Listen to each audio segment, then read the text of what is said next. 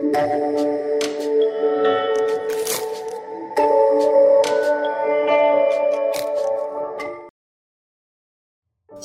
kekasih Tuhan, apa kabar Anda? Saya berharap Anda sungguh dalam kondisi yang prima, sukacita, dan penuh damai sejahtera. Hari ini saya akan sharing kebenaran firman Tuhan yang saya beri judul Do Your Rapid Test. Lakukan rapid test kita. Oke, mari saya ajak melihat kebenaran firman Tuhan di Matius 11 ayat ke-28 sampai 29. Tuhan Yesus berkata, "Marilah kepadaku semua yang letih lesu dan berbeban berat. Aku akan memberi kelegaan kepadamu. Pikulah kuk yang kupasang dan belajarlah padaku karena aku lemah lembut dan rendah hati dan jiwamu akan mendapat ketenangan. Kebanyakan dari kita tahu kuk itu apa, yaitu beban yang dipasangkan uh, pada pundak atau tengkuk sepasang hewan dan di sini Tuhan menggambarkan kenapa punya Tuhan itu ringan dan tidak beban seperti punya uh, kuk yang dipasang oleh ahli-ahli Taurat atau hukum Taurat. Karena uh, Tuhan yang berjalan bersama kita. Kalau beban itu di kuk itu dipasang, pasangan kita adalah Tuhan. Tuhan mau menunjukkan bagaimana kita harus berjalan, bagaimana kita harus bekerja bersama Dia. Dalam terjemahan The Message, ayat ke-29 itu dikatakan, "Walk with me and work with me. Watch how I do it. Learn the unforced rhythms of grace. Jalanlah bersamaku, bekerjalah bersamaku, bukan bekerjalah untukku. Bekerjalah bersamaku. Satu pasang kuk. Watch how I do it. Belajarlah ritme kasih karunia yang tidak dipaksakan supaya hidup kita tidak letih lesu dan berbeban berat. Oke, permulaan dari rapid test ini ya, saudara. Yang pertama, apakah kita merasakan chaos, kekacauan dalam hidup kita? Banyak orang sekarang, mereka mungkin terlihat baik-baik saja di depan. Tetapi saudara, uh, mungkin Anda bisa recheck ya ke dalam kehidupan. Mungkin ketika Anda melihat orang lain sukses, bukannya kita ikut bahagia, kita malah stres. Uh, dia sudah sukses Kemudian mungkin Anda melihat orang lain foto-foto orang lain happy dan Anda malah depresi ketika melihatnya. Anda mungkin merasa angry, marah sekali ketika Anda melihat orang-orang yang kita anggap tidak pantas untuk dipromosi, tidak pantas untuk dipuji-puji, malah mengalami promosi tersebut. Nah, saudara, ketika kita merasakan hal-hal tersebut di dalam, sekalipun mungkin di luar kondisi keuangan kita nggak ada masalah, semuanya baik-baik saja, pasangan masih bersama kita, tetapi berarti deep inside we are discontent. Di dalam kita mengalami suatu ketidakpuasan di dalam kita. Itu yang membuat kita merasakan beban berat dalam kehidupan kita. Itu yang membuat kita sulit sekali untuk mensyukuri segala yang ada pada kita. Orang yang sikapnya nyinyir, suka komentar negatif tentang orang lain, suka gosip, sedih, tak beralasan, khawatir yang tidak jelas, Why don't we check ourselves? Kenapa tidak kita check up diri kita? Mungkin kita selama ini berjalan berusaha mengusahakan sesuatu dengan kekuatan kita sendiri. Tuhan berkata, "Datanglah kepadaku, aku akan memberikan kelegaan kepadamu." Walk with me, jalan bersamaku. Walk with me, bekerjalah bersamaku. Watch how I do it, dan kamu akan merasakan kelegaan di dalam kehidupanmu. Saudara ada satu surat yang ditulis oleh pasangan suami istri yang berusia sekitar 90 tahun lebih. Mereka mengalami perjalanan yang luar biasa dengan Tuhan dan di uh, chapter atau bab yang terakhir yang mereka tulis mereka berkata begini. Jika kekristenan itu membuat kamu kehabisan tenaga, menghabiskan seluruh energimu, maka berarti kamu mempraktekkan agama lebih daripada kamu punya hubungan yang baik dengan Tuhan. Karena perjalanan kita dengan Tuhan tidak akan membuat kita kelelahan. Sebaliknya, kita akan disegarkan kembali, direstorasi, dipulihkan, dan menerima energi di dalam kehidupan kita. Itu sungguh perkataan yang benar dan alkitabiah. Karena Tuhan memang memanggil kita untuk bekerja bersama Dia, bukan sekedar bekerja untuk dia. Nah, di dalam masa pandemik ini ada banyak sekali perubahan. Mungkin ada banyak gereja jungkir balik untuk bisa tetap berjalan seperti yang diharapkan. Sementara banyak umat Tuhan mereka mulai kehilangan esensi tentang apa gunanya ibadah bersama, tentang apa gunanya pendalaman iman dan sebagainya. Mungkin mereka berpikir, aku nggak ibadah juga nggak ada masalah. Itu ternyata, ternyata aku lupa ibadah kemarin juga nggak ada problem itu. Ternyata aku nggak pendalaman iman juga nggak apa-apa itu. Semuanya tetap berjalan seperti biasa. Tetapi jangan lupa prinsip firman Tuhan. Seperti ranting yang putus putus hubungan dengan pokoknya, saudara. Mungkin dia kelihatan masih bawa daun hijau, tetapi dengan pasti dia sedang berjalan menuju kematian.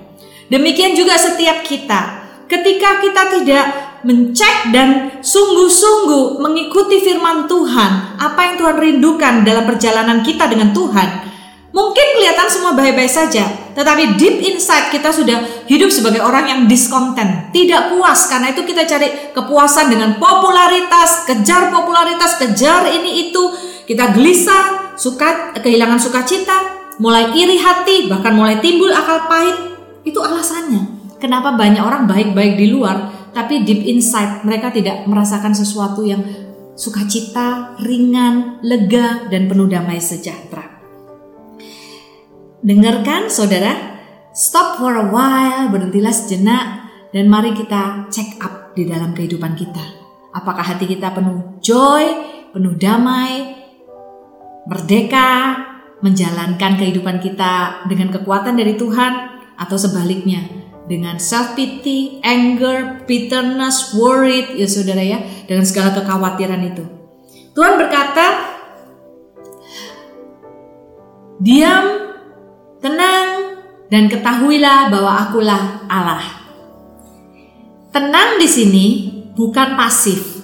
Tenang di sini itu aktif. Tenang di sini dari kata Hebrew rapa, saudara, di mana berarti kita meletakkan atau kita berhenti. Berhenti dari kekhawatiran yang di dalam, berhenti dari kecemasan yang di dalam. Tenang di sini aktif, karena tenang di sini berarti kamu melakukan yang terbaik yang kamu bisa lakukan dan kamu yakin Tuhan akan mengatur semuanya. Orang yang tenang itu orang yang kuat.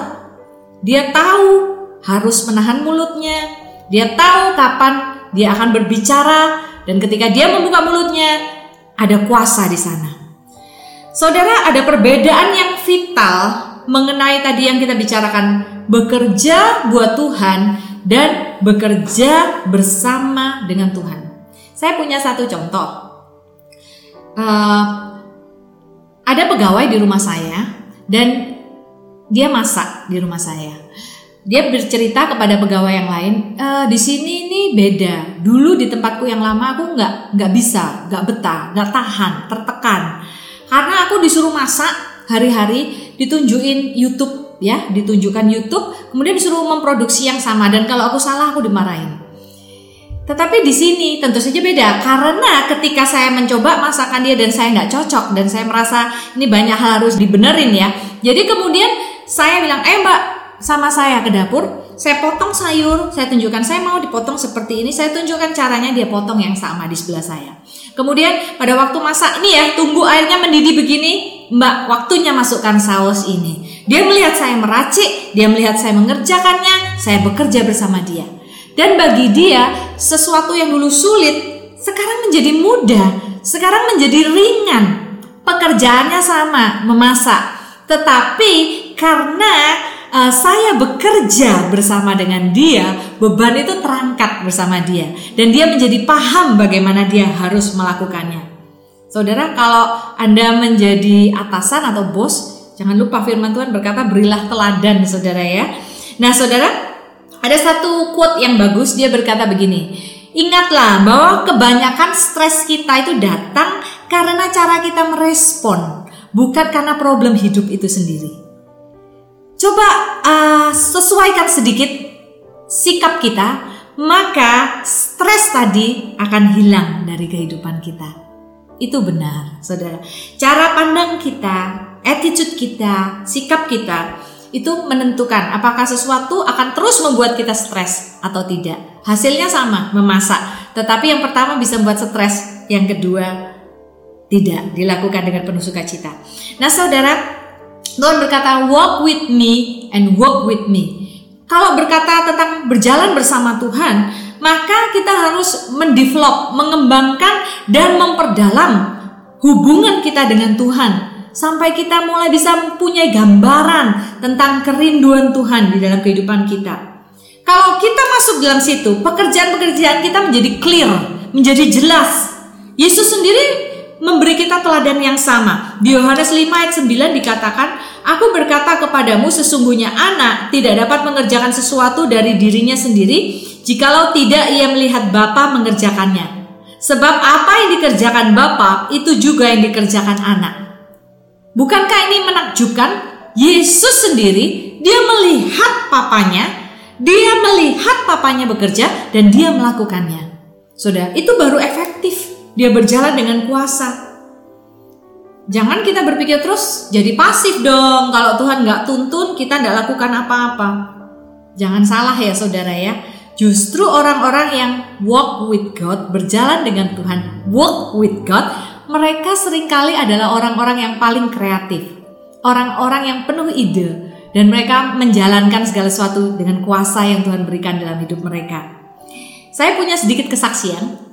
Uh, pada saat saya di suatu waktu itu bekerja di uh, satu perusahaan ya sudah, ada saatnya di mana saya merasa seperti nyaris dijerumuskan yaitu saya menerima promosi, tetapi promosi ini penuh challenge, yaitu saya masuk satu kantor yang sudah bangkrut bertahun-tahun dan kemudian karena sudah istilahnya berantakan kacau, saya itu masuk hari itu dengan tumpukan kertas file dan ribuan angka-angka neraca, laporan keuangan, budgeting dan mana yang saya nggak tahu tuh angka-angka itu asalnya dari mana, rumusnya apa. Dan saya ingat pada saat itu, saya sudah terima tantangan itu. Saya duduk di meja, saya bilang saya doa sama Tuhan. Tuhan, engkau lah sumber segala hikmat. Aku percaya engkau yang membawa aku ke sini, engkau akan memberikan hikmat kepadaku. Dan pada waktu itu saya buka lagi, saya pelajarin sudah. Itu benar-benar saya susah menjelaskannya. Karena bagi saya sampai hari ini itu benar-benar miracle, sudah angka-angka yang saya nggak pahami, tiba-tiba saya memahami. Runtutannya itu bagi saya menjadi jelas. Bahkan saya bisa membuat rumus-rumus saya sendiri yang teruji dengan itu dan saya memahami.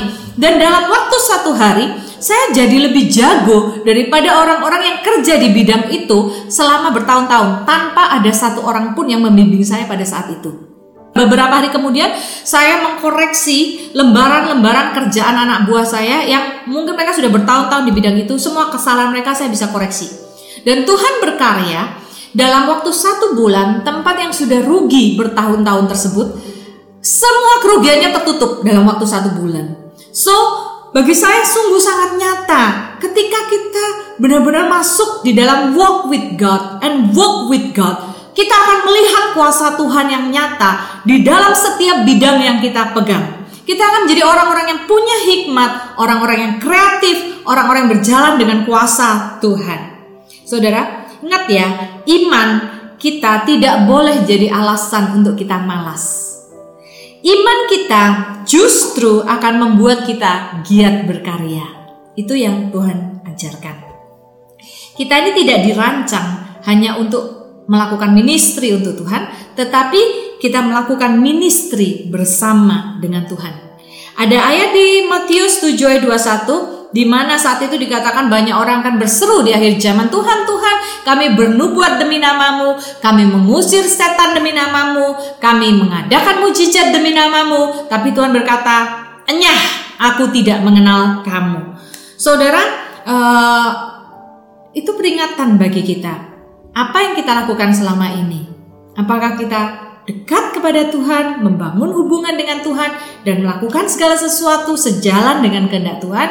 Ataukah kita berjuang dengan kekuatan kita sendiri, sekalipun kelihatannya alasannya kita sibuk dan kita melakukannya untuk Tuhan? Ada cek uh, cek yang simple ya untuk kita ya. Ciri-cirinya ketika kamu bekerja untuk Tuhan, Seringkali orang akan menuntut pujian, mengharapkan pujian. Kalau dia kerja dan tidak ada yang memperhatikan, dia bisa merasa sedih. Dia mulai kehilangan visi dalam kehidupannya, segala suatu rutinitas. Kemudian mulai menjadi seorang pengkritik. Dan yang jelas, hubungan pribadi dengan Tuhan, membacaan firman, kehidupan doa menjadi semakin menurun. Sementara orang-orang yang melakukan pekerjaan dengan Tuhan, bersama Tuhan, lahir dari hubungan dengan Tuhan, mereka akan menjadi orang-orang yang tidak mengharapkan pujian apa-apa. Dan mungkin ketika tidak ada orang notice pekerjaan mereka, nggak ada orang perhatikan kerja keras mereka, mereka tetap suka cita. Mereka menjadi orang-orang yang terus melahirkan visi-visi baru dalam kehidupan mereka. Mereka menjadi orang-orang yang ketika memandang sesama sebagai jiwa-jiwa yang berharga, bukan sekedar sebagai orang-orang yang akan membawa tujuan mereka tercapai. Mereka menjadi orang-orang yang mempunyai kehidupan doa pribadi, ke, uh, kehidupan di dalam firman Tuhan semakin bertumbuh dari hari ke hari. Saudara, firman tadi itu bukan firman sederhana dan nothing. Firman tadi itu powerful. Kata-kata come to me. Walk with me. Walk with me. Learn the unforced rhythm of grace. Saudara, semuanya itu bisa menyelamatkan ministry kita, pelayanan kita. Semuanya itu bisa menyelamatkan hidup kita, bahkan jiwa kita. Is it time for a check up? Waktunya rapid test, saudara. Masa-masa pandemik ini sebetulnya masa yang menakjubkan. Banyak orang hidup dalam kesusahan, banyak orang meninggal juga, tetapi juga banyak blessing, kesempatan, dan hal-hal yang positif di dalamnya. Tuhan tidak berkehendak kita untuk dilumpuhkan dalam masa ini. Ada rencana Tuhan yang baik yang harus bisa kita lihat ke depan. Saya punya satu statement, apa yang baik di depan hanya bisa kita lihat kalau kita bersedia move on dari masa lalu. Saya ulangi, apa yang baik di depan hanya akan bisa kita lihat kalau kita bersedia move on dari masa lalu. Pada saat saya baru datang pertama kali di kota Samarinda lebih dari 10 tahun yang lalu ya mungkin ya. Nah, pada saat itu pertama kali saya datang, saya ketemu Ibu Gembala, Ibu Santi. Dia bertanya kepada saya, ah, gimana kerasan di Samarinda? Saya bilang kerasan. Dan pada saat itu dia kaget sekali dengan jawaban saya. Dia berkata, loh kamu kok beda ya bisa jawab kerasan ya? Biasanya orang dari kota besar nggak kerasan. Kemudian, uh, kenapa saya kerasan? Karena dari sejak detik saya berangkat, saya sudah memutuskan saya meninggalkan apa yang di belakang saya. Dan saya mulai memikirkan segala kemungkinan dan kebaikan yang mungkin akan terjadi di depan saya, Saudara. Tuhan kasih saya ayat pada saat itu di Mazmur 45, "Dengarlah hai putri, lihatlah dan sendengkanlah telingamu. Lupakanlah bangsamu dan seisi rumah ayahmu." Biarlah raja menjadi gairah karena keelokanmu, sebab dialah Tuanmu, sujudlah kepadanya. Itu menceritakan bagaimana seorang mempelai perempuan meninggalkan rumahnya dan siap untuk bertemu dengan rajanya, saudara. Tuhan memberi bimbingan move on, move on. Lupakan yang sudah lewat, kemuliaan masa lalu lupakan, song-song dengan penuh harapan apa yang Tuhan akan perbuat di hadapan kita. Itulah kenapa alasannya saya bisa menikmati hidup di Samarinda, itulah alasannya kenapa saya bisa menjadi berkat di tempat ini. Di keluaran pasal 14 ayat ke-11, pada saat bangsa Israel keluar dari Mesir, ya dibawa keluar dari Mesir di padang gurun, mereka marah, mereka teriak, "Apakah karena tidak ada kuburan di Mesir sehingga engkau membawa kami ke padang gurun ini untuk mati, Musa?" Perhatikan, mereka bilang, "Kamu bawa kami keluar dari Mesir untuk mati di padang gurun." Saudara, Perhatikan ini, waktu mereka di Mesir, hidup mereka benar-benar sengsara. Saya katakan benar-benar sengsara sebagai budak. Tetapi itu normal bagi mereka. Hidup sebagai budak itu sudah normal karena sudah ratusan tahun. Dan sekarang mereka keluar pada kesulitan yang baru, tapi yang ujungnya baik, ada janji Allah di dalamnya. Dan mereka marah sekali karena memang di, ketika orang menghadapi kesulitan-kesulitan baru, panik itu akan menyerang dan orang akan merindukan normal yang lama. Sekalipun itu berarti diperbudak di Mesir. Saudara, uh, Dari sana kita bisa belajar ya, untuk kita tidak terpaku kepada apa yang sudah lama, tetapi kita siap untuk melihat kebaikan Tuhan yang di depan. Ada banyak hal yang sedang terjadi sebetulnya. Keluarga-keluarga menghabiskan waktu bersama-sama seperti yang belum pernah terjadi sebelumnya ya saudara, terutama orang tua-orang tua dengan anak-anak yang kecil saudara ya. Wow, 24 hours saudara ya, Anda menjadi guru, menjadi segalanya, menjadi tukang masak, menjadi segalanya. Tapi kalau kita mau teliti, bagi Alkitab ini sebetulnya yang disebut normal bagi Alkitab. Karena Tuhan berkata di ulangan 6 ayat 7, haruslah engkau mengajarkannya berulang-ulang kepada anak-anakmu dan membicarakannya apabila engkau duduk di rumahmu, apabila engkau sedang dalam perjalanan, apabila engkau berbaring, dan apabila engkau bangun. Di ulangan 11 diulangi lagi. Bagi Tuhan, sebetulnya keluarga yang normal itu begitu. Saudara, kejadian 18 ayat 19 ini juga menarik sekali. Pada saat Abraham berjalan bersama Tuhan dan Tuhan berencana menghancurkan Sodom dan Gomora, Abraham belum ngeh rencana Tuhan belum ngerti dan Tuhan tuh bisa berpikir loh. Di dalam pikirannya sendiri Tuhan bilang gini, Apaku sembunyikan pada Abraham ya rencanaku untuk menghancurkan Sodom Gomora? ayat 19 dikatakan sebab aku telah memilih dia, memilih Abraham.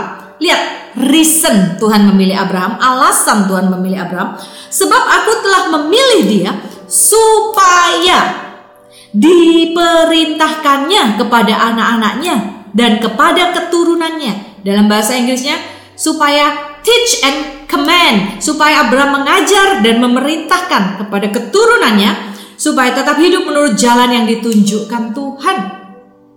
Wow, Tuhan membentuk satu bangsa yang Tuhan rindu dari generasi ke generasi ke generasi. Mereka mengenal kebaikan Tuhan, menceritakan kebaikan Tuhan, menghidupi kebaikan Tuhan. Saudara, this is important. Bahkan itu alasan Tuhan memilih Abraham, saudara. Saudara, ini yang normal menurut Alkitab. Tuhan punya sesuatu yang baik yang tersembunyi di dalamnya, di dalam segala kesulitan yang saat ini mungkin kita hadapi. Saat ini tidak terlambat bagi kita untuk menyadari kembali prioritas-prioritas apa yang terpenting dalam kehidupan kita. Tuhan berkata, "Come to me." Datanglah kepadaku. Semua lesumu karena beban beratmu, ya. Dulu kita ya, schedule kita begitu padat, harus begini, harus begitu, harus begini, harus begitu. Sekarang Semuanya diperleks, semuanya dikembalikan seperti semula. Jangan kejar apa yang semu, karena kita tidak mungkin bisa puas kecuali kita masuk di dalam relationship, hubungan yang benar dengan Sang Pencipta kita. Jangan kejar popularity, jangan kejar kekayaan. Banyak kita dulu seperti itu dan banyak kita saat ini menjadi sadar, saudara. Make sure you are happy in real life and not just for the internet. Betul nggak? Yakinkan kamu happy untuk hidup yang nyata. Kenapa sih? Kemarin-kemarin banyak orang membangun kehidupannya. Hmm, kehidupannya ini kelihatan indah hanya di sosial media. Sekarang kita hidup terus kumpul sama keluarga kita. Itu yang paling penting yang Tuhan bilang. Pelihara kehidupan bersama keluarga. Pelihara ajarkan kepada anak-anak kita happy in real life, bukan hanya untuk kepentingan internet. Tuhan sedang memanggil kita pada normal yang semestinya, saudara. Saya bersyukur sejak dari sekitar tujuh tahun yang lalu saya punya anak. Saya memutuskan banyak menolak pelayanan-pelayanan keluar kota dan membatasi yang di dalam kota. Karena saya ingin menghabiskan waktu dan memprioritaskan anak-anak saya, terutama mereka selagi mereka masih kecil. Dan kemarin pada saat Shalom ditanyain, ya, Who is your best friend? Siapa sahabat terbaikmu? Dia tanpa ragu sedikit pun dia berkata, My mommy mami saya, saudara. Itu normal yang seharusnya. Saudara, pandemik ini membawa kesempatan bagi kita gereja untuk diperbaharui dan belajar menjadi kreatif. Karena kasih Allah itu kreatif. Gak usah takut saudara, gak usah kejar popularitas, kejar kebenaran dalam Tuhan. Walk with Him, walk with Him. Biar semua pelayanan kita untuk Tuhan lahir dari perjalanan kita dengan Tuhan dan pekerjaan kita bersama dengan Tuhan. Ya saudara, ya. sekalipun yang lain sedang kejar popularitas, tetaplah kejar kebenaran.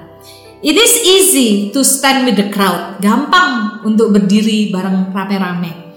But it takes courage to stand alone. butuh keberanian untuk bisa berdiri sendiri. Sudah mungkin walaupun harus sendiri, tapi kita tahu ini yang benar, ini yang berkenan di hadapan Tuhan. Biarlah kita bisa melakukan rapid test ini, saudara, di dalam kehidupan kita. Simple rapid test. Damai sejahterakah aku di dalam Tuhan? Apakah hidupku puas, hidupku merasa light, ringan, dan merdeka di dalam berjalan mengiring Tuhan? Apa mungkin aku waktunya untuk berbalik, memperdalam hubunganku dengan Tuhan sungguh-sungguh kembali kepada kasih Tuhan. Mungkin ini waktunya aku untuk kembali, lupakan semua normal-normal yang lama. Jangan ingat-ingat yang lama dan embrace, rangkul apa yang baru yang Tuhan sediakan di depan kita. Segala kesibukan-kesibukan baru di depan kita. Keluarga kita, bagaimana kita mengutamakan mereka, bagaimana kita memprioritaskan mereka dalam kehidupan kita. Biarlah berkat Tuhan melimpah dan menyertai kehidupan kita semua. Amin.